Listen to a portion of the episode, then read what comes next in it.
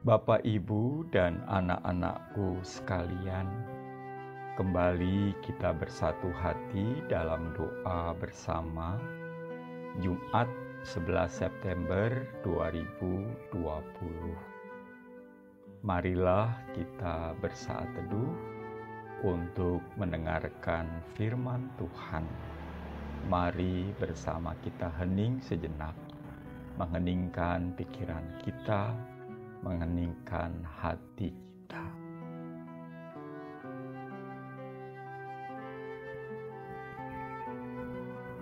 Bacaan Alkitab yang disediakan leksonari bagi kita malam ini adalah Lukas pasal 6 ayat 36 hingga 38.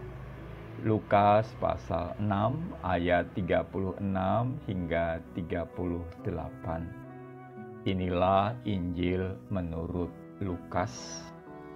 Hendaklah kamu murah hati sama seperti Bapamu adalah murah hati.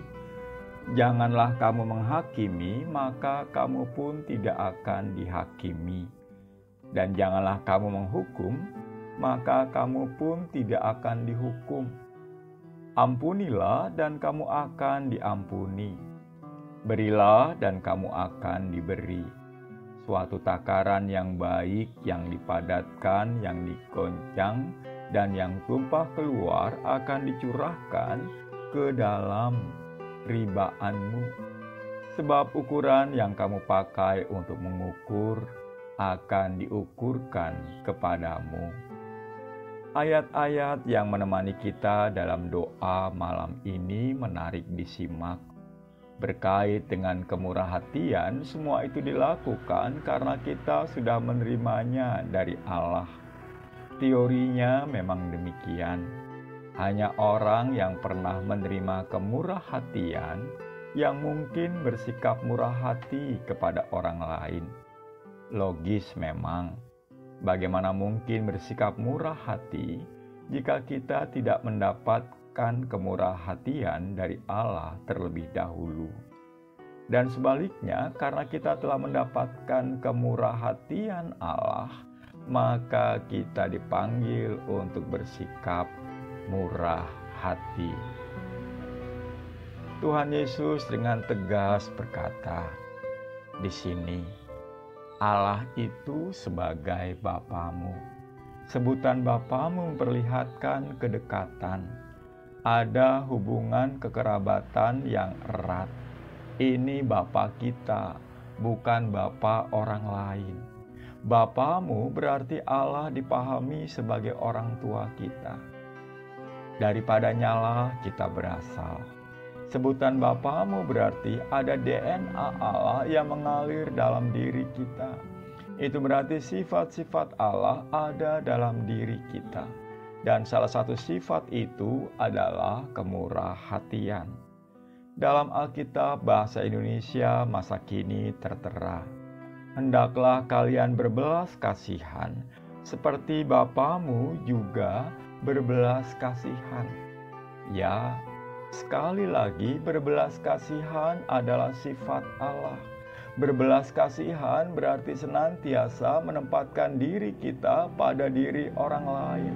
Orang Yunani punya istilah empati yang terdiri atas dua kata en dan patos. En berarti dalam, patos berarti penderitaan, yang berarti berada dalam penderitaan orang lain. Menarik lagi disimak Imbauan tentang murah hati langsung diperkuat dengan larangan jangan menghakimi.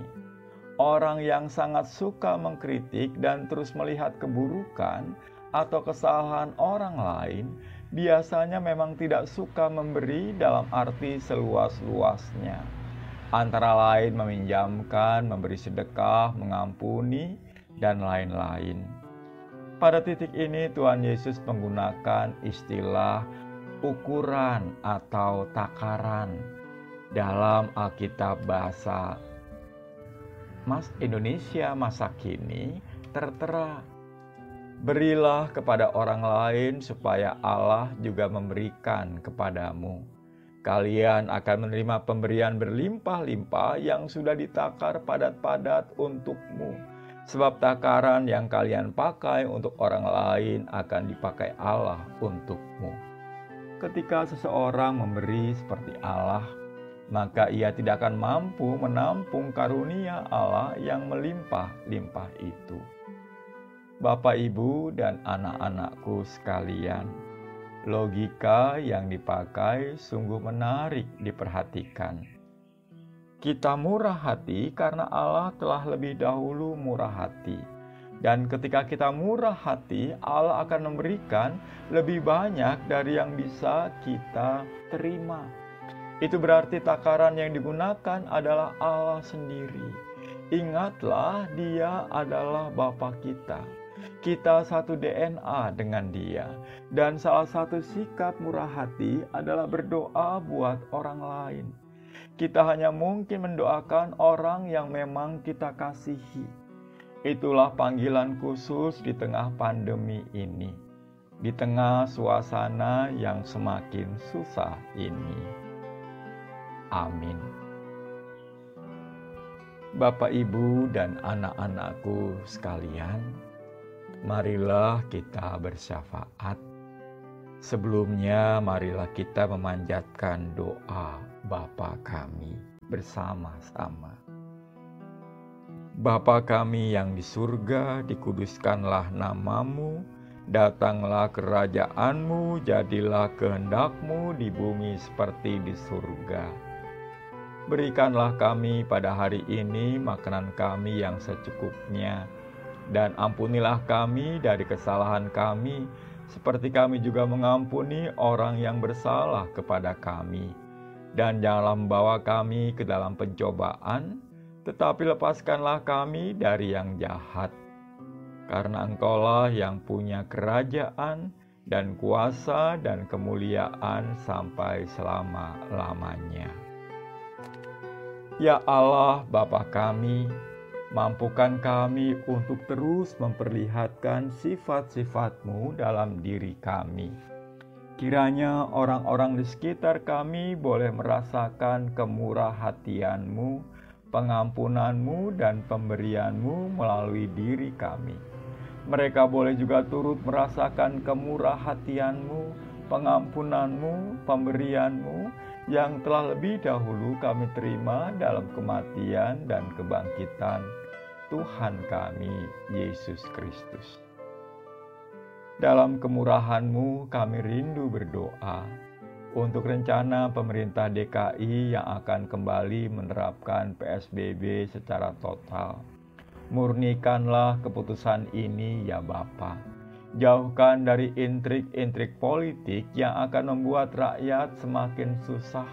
Sudah susah karena pandemi, masih dibebani kesusahan karena intrik-intrik politik yang ada.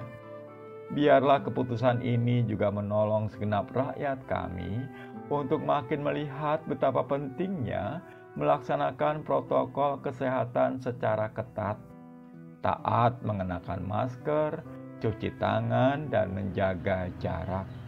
Hal-hal sederhana yang niscaya dilakukan demi pemutusan penularan virus corona ini. Dalam pengasihanmu kami mohon, Tuhan dengarkanlah dan kabulkanlah doa kami. Ya Allah Bapa kami, kami rindu menyerahkan segenap penderita COVID-19 yang semakin banyak jumlahnya.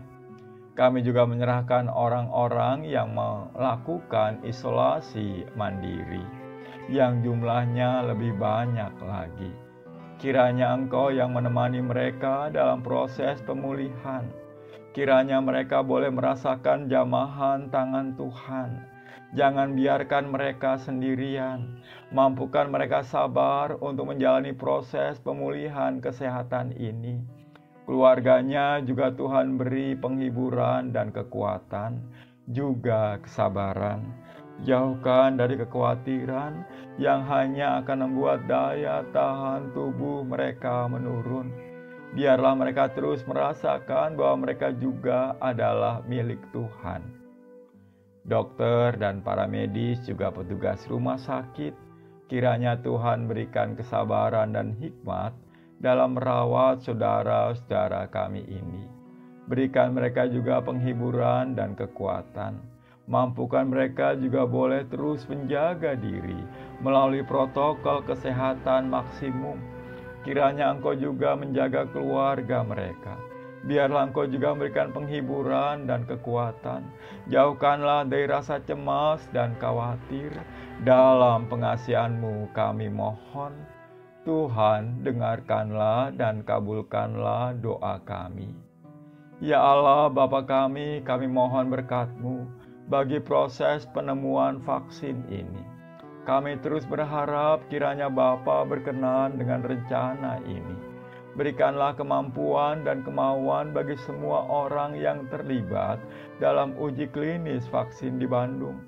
Kami juga bersyukur atas keberadaan para relawan yang menyediakan diri untuk terlibat dalam proses ini. Biarlah Engkau beri penghiburan pula kepada mereka. Berikanlah kemampuan kepada pemerintah bangsa kami untuk mengambil kebijakan-kebijakan terbaik dalam pandemi ini ini bukan hal yang mudah ya Tuhan. Memadukan antara persoalan ekonomi dan kesehatan. Kiranya Bapa berkati rencana pemerintah bangsa kami untuk meningkatkan daya beli masyarakat dengan subsidi gaji bagi yang bekerja secara formal. Kiranya Tuhan juga memberkati rencana ini juga tolong pemerintah dalam mencari jalan untuk menyalurkannya bagi para pekerja informal. Jika ada rencana pemerintah untuk memberikan bantuan kepada penggiat UMKM, kiranya usaha ini pun dapat berlangsung dengan baik, tepat sasaran, dan bebas dari penyimpangan. Kami serahkan negeri kami ke dalam tanganmu ya Bapak karena kami percaya Engkau mengasihi negeri kami. Inilah syafaat kami ya Bapa, dalam pengasihanmu kami mohon. Tuhan, dengarkanlah dan kabulkanlah doa kami. Amin. Bapak, Ibu, dan anak-anakku sekalian, kita bersama telah melakukan doa malam. Mari kita istirahat memohon rahmat kepada Allah agar kita dapat tidur nyenyak sehingga besok boleh bangun dengan kesegaran yang baru, boleh menerima berkat-berkat Tuhan yang baru. Tuhan memberkati. Amin.